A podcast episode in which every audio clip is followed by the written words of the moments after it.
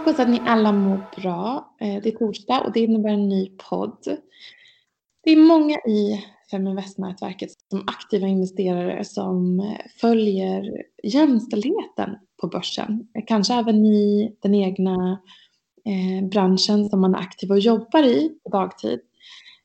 Men en verksamhet och en stiftelse som följer de här frågorna och släpper ett par rapporter per år. Det är ju Albright-stiftelsen. Och idag så har jag äran att få prata med Amanda Lundeteg som är VD för, för stiftelsen och den man egentligen förknippar i och med att du, du dyker ju upp titt som tätt i samband med rapportsläpp och andra jämställdhetsstatistik som släpps eh, på våra dagstidningar. Så kul att ha dig med i Feminvest-podden. Jättekul att få vara med. Eh, om, vi, om vi backar tillbaka bandet till att eh, stiftelsen grundades så, så grundades den ju av Sven Hagströmer som vi förknippar med Avanza eh, framför allt. Eh, hur kom det sig att han, han startade den här stiftelsen och arbetet? Mm, ja, men Sven är ju känd för att vara eh, lite av en Nicke Nyfiken eh, och han undrade liksom varför är det så få kvinnor på ledande positioner? Eh, för att liksom, jag tror att hans erfarenhet var att eh, han mötte väldigt många kompetenta kvinnor eh, men som liksom inte återfanns på ledande positioner utan kanske lite lägre positioner. Eh, och han slog sin eh, hjärna ihop med eh, Allbrights ordförande Mikaela Berglund, eh, din namne, eh, som är chefsrekryterare på Mikael Berglund AB och jobbar mycket med tillsättningar av höga positioner i näringslivet, styrelserekryteringar, vd-rekryteringar och så vidare.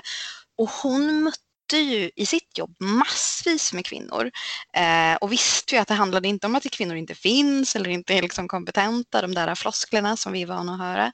Eh, så att eh, de två tillsammans bestämde sig att men vi vill göra någonting aktivt i frågan och man bestämde sig för att vi ska liksom starta Allbright, kartlägga hur det ser ut, visa på fakta, ta reda på varför, vart är hindren och liksom komma med förslag och lösningar på hur man faktiskt kan eh, skapa ett bättre näringsliv. Eh, så det var liksom eh, början till Allbright. Och de har berättat för mig att de var lite naiva. Eh, att de tänkte att ja, men det här är väl, nu startar vi det här initiativet och så är det väl löst efter något, liksom några år. Men riktigt så lätt var det ju inte, eller är det inte.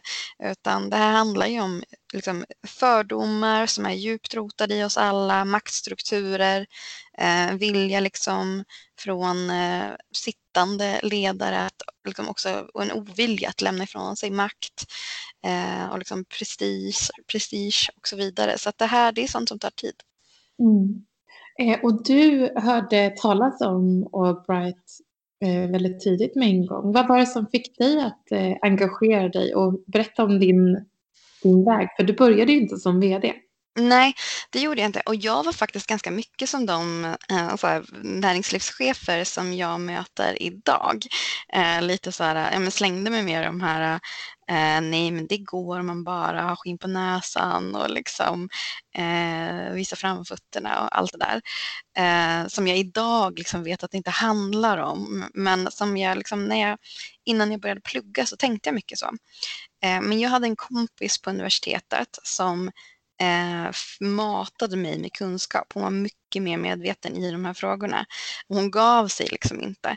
Eh, så hon fick mig att ta på mig de här liksom, genusglasögonen och se vad som hände runt omkring mig. För jag läste ju ekonomi vid Uppsala universitet och där var vi ungefär lika många kvinnor som män som började samtidigt.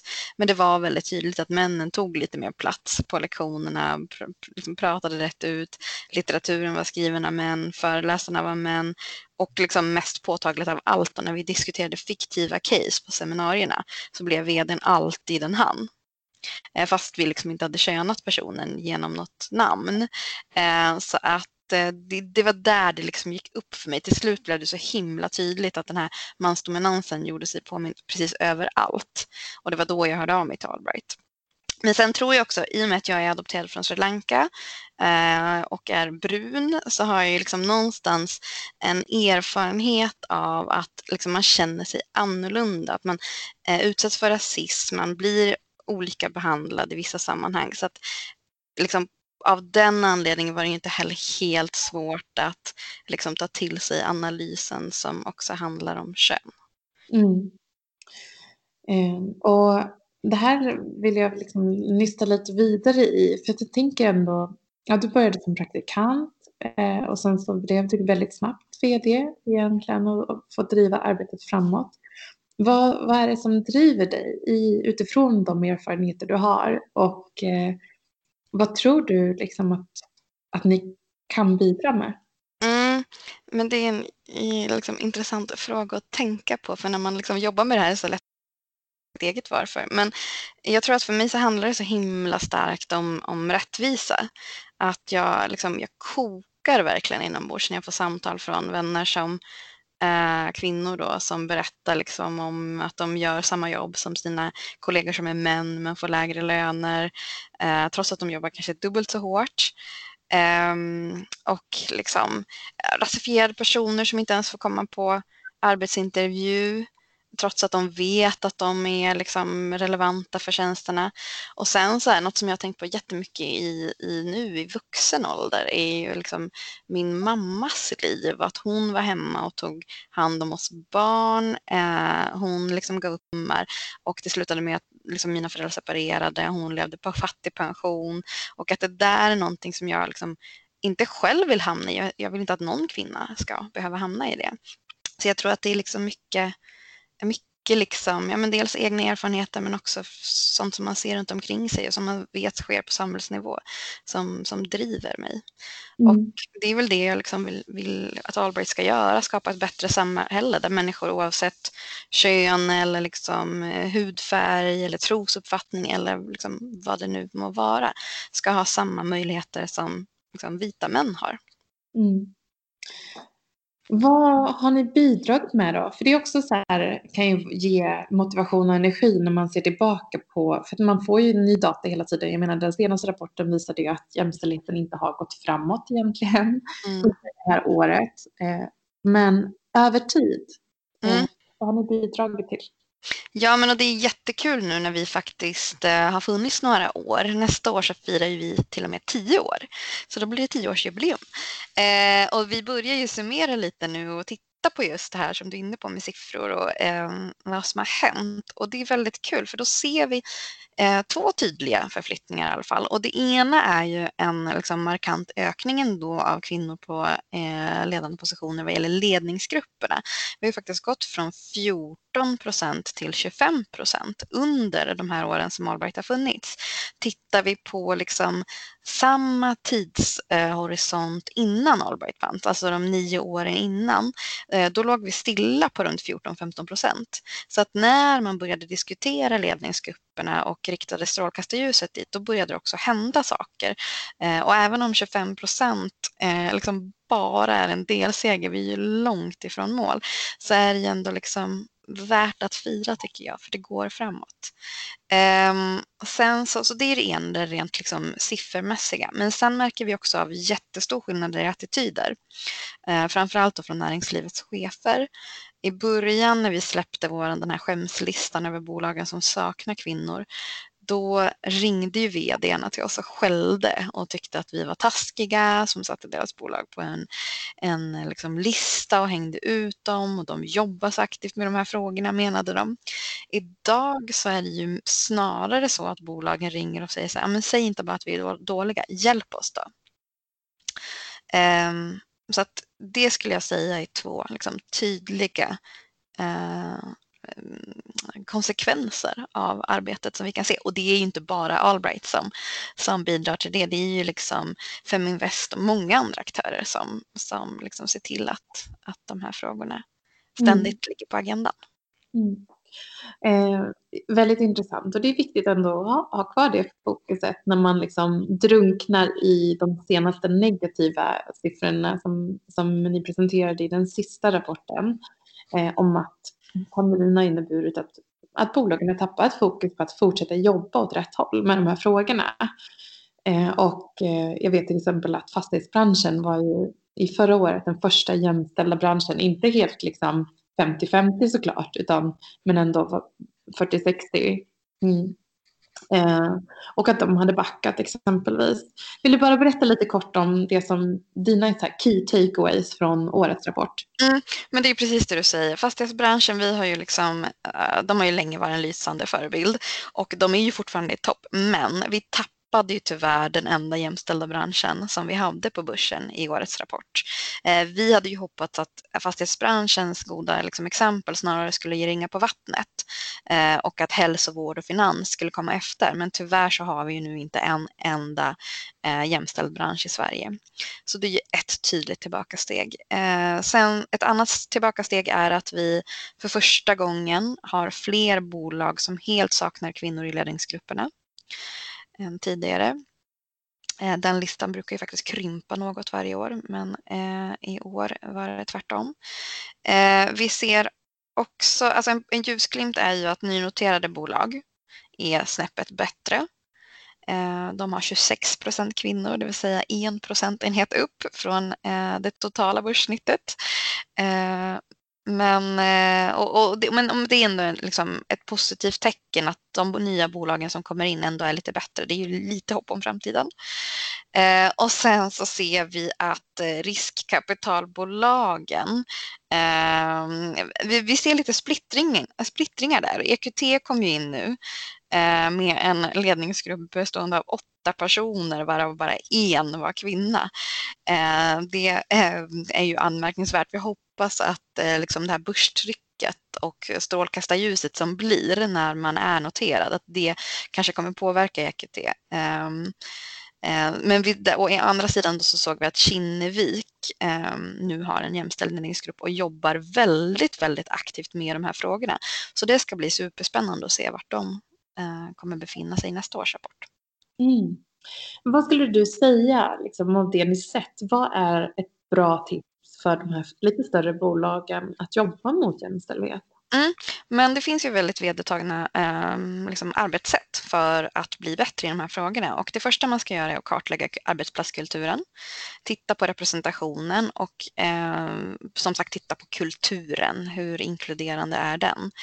Eh, det andra är att man behöver analysera problemen. Vi har hittills inte stött på ett bolag som har gjort en kartläggning och inte har några problem, utan alla har, liksom ofta skulle jag säga, problem med till exempel jargong eh, sexistisk jargong som man behöver jobba med. Så att liksom analysera de problem som kommer fram eh, och sätta in liksom aktiva åtgärder. Sen gäller det att sätta mål utbilda bort okunskap. Alla medarbetare och chefer behöver ha koll på vad unconscious bias, alltså dolda fördomar, vad det är och hur det tar sig uttryck. Slutligen att följa upp arbetet. Att man inte bara liksom tänker att man aktiviteter och sen tro att man är klar. Utan man behöver ju hela tiden kolla att man har alla eh, rutiner och policies på plats och göra justeringar om det dyker upp nya problem, om det är saker som inte funkar och så vidare. Mm. Är det något bolag då som har gjort en bra resa här? Mm, det finns ju äh, faktiskt fler och fler. Det är väldigt kul. Vi delar ut Allbright-priset varje år. Eh, så nu har vi samlat på oss eh, ganska många bolag som ändå, eh, jag skulle liksom våga påstå, är goda förebilder. Ett sådant bolag är ju IT-konsulten Knowit som jag älskar att prata om. För att då, deras vd eh, har visat väldigt tydligt att det här är en prioriterad fråga. Eh, man har arbetat eh, extremt liksom, forskningsförankrat och strukturerat. Så man har liksom inte bara hittat på lite punktinsatser som man tror är bra, utan man har tittat på vad som faktiskt funkar. Eh, och det låter som en självklarhet, men det är det få som gör. Eh, och det som de också har gjort är att de har varit väldigt ödmjuka inför eh, det som inte har funkat och varit öppna och transparenta med vad man har gjort fel. Eh, för många bolag vill ju snarare liksom slå sig på bröstet och berätta om hur himla bra de är. Eh, men så liksom, det är oftast där de som liksom kanske skryter mest som, eh, där man inte heller bottnar i frågorna. Eh, men Noe till exempel, då, de var ju väldigt tydliga med att de gjorde fel i att de först rekryterade massa kvinnor till ledande positioner. Men de hade inte arbetat med arbetsplatskulturen så att de tappade ändå kvinnor. Eh, och det är en väldigt vanlig miss och det är sånt som jag tror att många företag behöver höra. Mm, intressant. Mm. Eh, och sen ett annat sätt att liksom sätta perspektiv på, eh, på jämställdhet är att titta på andra länder och vad man gjort internationellt. Mm. Eh, finns det några föregångsländer som du ser? Um, jag ska säga att alla är ganska mediokra när det kommer till de här frågorna. Eh, USA är ju något bättre än vad vi är på att ha kvinnor i ledningsgrupperna. Storbritannien är på liksom samma nivå som oss. Eh, så att, jag skulle säga att liksom, ja, Sverige är ju i framkant det kommer till representation. Eh, men vi har ju fortfarande bara 10% kvinnor på vd-posterna, 9% kvinnor på ordförandeposterna. Så att vi är ju bara bäst bland de sämsta, för ingen är ju bra på de här frågorna. Eh, så jag skulle inte säga att det finns någon liksom att inspireras av, tyvärr. Eh, utan alla har problem när det kommer till kvinnor och maktpositioner. Mm. Det finns ju några länder som har jobbat mer med kvotering Eh, för att uppstå, eller uppnå jämställdhet både liksom styrelse och ledningsgrupper. Eh, jag vet till exempel Frankrike, Island, Norge, eh, några exempel. Eh, och det är ju, själv så jag, tycker jag att det är problematiskt. Jag är inte för kvotering som sådan, utan det är kompetenser som man vill ska liksom styra. Men frågan är hur man bryter sådana här eh, starka strukturer och även kallat glastak. Vad, vad tänker du där? Ja, nej men precis. Och jag tycker att det är um, Alltså, man måste också skilja lite på länderna emellan. Vi har ju ett kontor i Tyskland också. Och eh, i Tyskland har man ju kvotering och där har det varit absolut nödvändigt för att man kommer från så oerhört eh, låga nivåer. I Sverige, vi ser ut att bli första landet som faktiskt kommer nå jämställda styrelser eh, först utan kvotering. Eh, vi är på 34 procent i styrelsen, alltså det är 6 procentenheter ifrån det här 40-60 spannet som räknas som jämn könsfördelning. Eh, och det är samma sak med Frankrike och Norge, man, man hade ett annat utgångsläge. Eh, så att jag förstår att man i de länderna eh, har behövt eh, liksom, lite, mer, lite mer piska. Eh, i Sverige har ju det inte varit nödvändigt. På Allbright har vi också sagt nej till kvotering. Eh, men så ser vi ju nu att styrelseutvecklingen totalt har avstannat. Eh, för tredje året i rad så händer ingenting på styrelsenivå. Och det, samma, ursäkta, det sammanfaller med att det här hotet om kvotering försvann för tre år sedan. Så att vi har sagt det nu att om inte ägarna skärper till sig och liksom visar på att man eh, tar frågan på allvar, då ger ju de oss också skäl att omvärdera. Så att eh, vi, det blir oerhört intressant att följa stämmosäsongen under våren. Eh, jag brukar inte tycka att, att liksom, styrelserna är det mest intressanta alltid, men, men just liksom, eh, nästa stämmosäsong ska bli oerhört intressant. Mm. Ja, intressant eh, även tycker vi. Eh, men om man då ser på, på två avslutande frågor. Det första, min, min första fråga är eh, hur kommer det sig att, att det stannar upp ett år som det här? Jag menar eh, en pandemi som lägger press på, på liksom vinst, vinsten i bolagen borde ju få bolagen att tänka ännu mer på vad som genererar vinst. Mm. Eh, man tycker ju det, men det är det här det blir så tydligt att eh, företagsledarna inte bottnar på riktigt i frågorna. Eh, för att skulle man göra det, då skulle man ju ha insikt om, om om just det där, att eh, blandade grupper leder till lönsamhet. Så att precis som när du rekryterar och bygger bolag, eh, att du har ett liksom, mångfaldstänk då. Eh, för det handlar inte bara om kön, utan vi ser ju att liksom, en högre mångfald leder till eh, ökad lönsamhet. Ehm, Alltså precis så, så, behöver du också ha det tänket i när du ska liksom varsla, när du behöver skära i personalstyrkan. Så, för är det någon gång det är lätt att liksom gå på magkänsla och tappa det här strategiska perspektivet så är det ju när det är kris. Du har kniven mot strupen och så glömmer du det här liksom strategiska arbetet och så blir du kvar med dem som liksom liknar dig själv homosociala som påverkar och eh, vi glömmer bort att vi tenderar att övervärdera mäns kunskap och liksom prestationer. Eh, så att, eh, ja, och det är liksom så här, har man inte tillräckligt med kunskap om det här, det är då man liksom tappar fokus. Och det är ju väldigt oroväckande att vdarna eh, så lätt tappar långsikt, att man liksom inte lyckas jobba med pandemin här och nu och även de här mer långsiktiga strategiska frågorna. Mm. Eh, sen så vet vi ju även att den här pandemin har drabbat kvinnor och män olika eh, med eh, lockdowns och så vidare. Att kvinnor har eh, fått en högre arbetsbörda hem, i hemmen.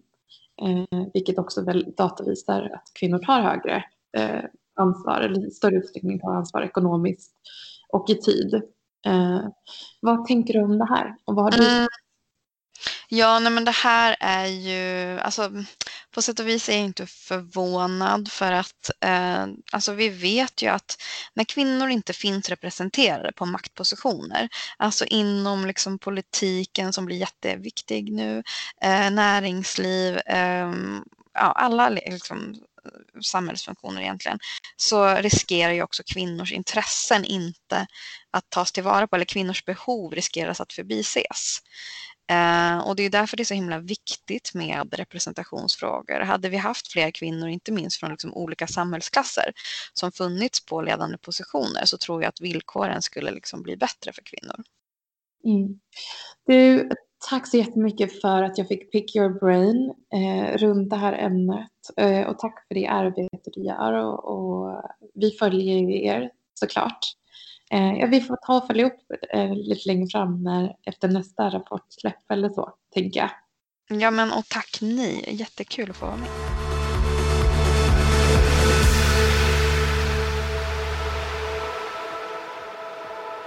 Feminvest är Sveriges största investeringsnätverk för tjejer.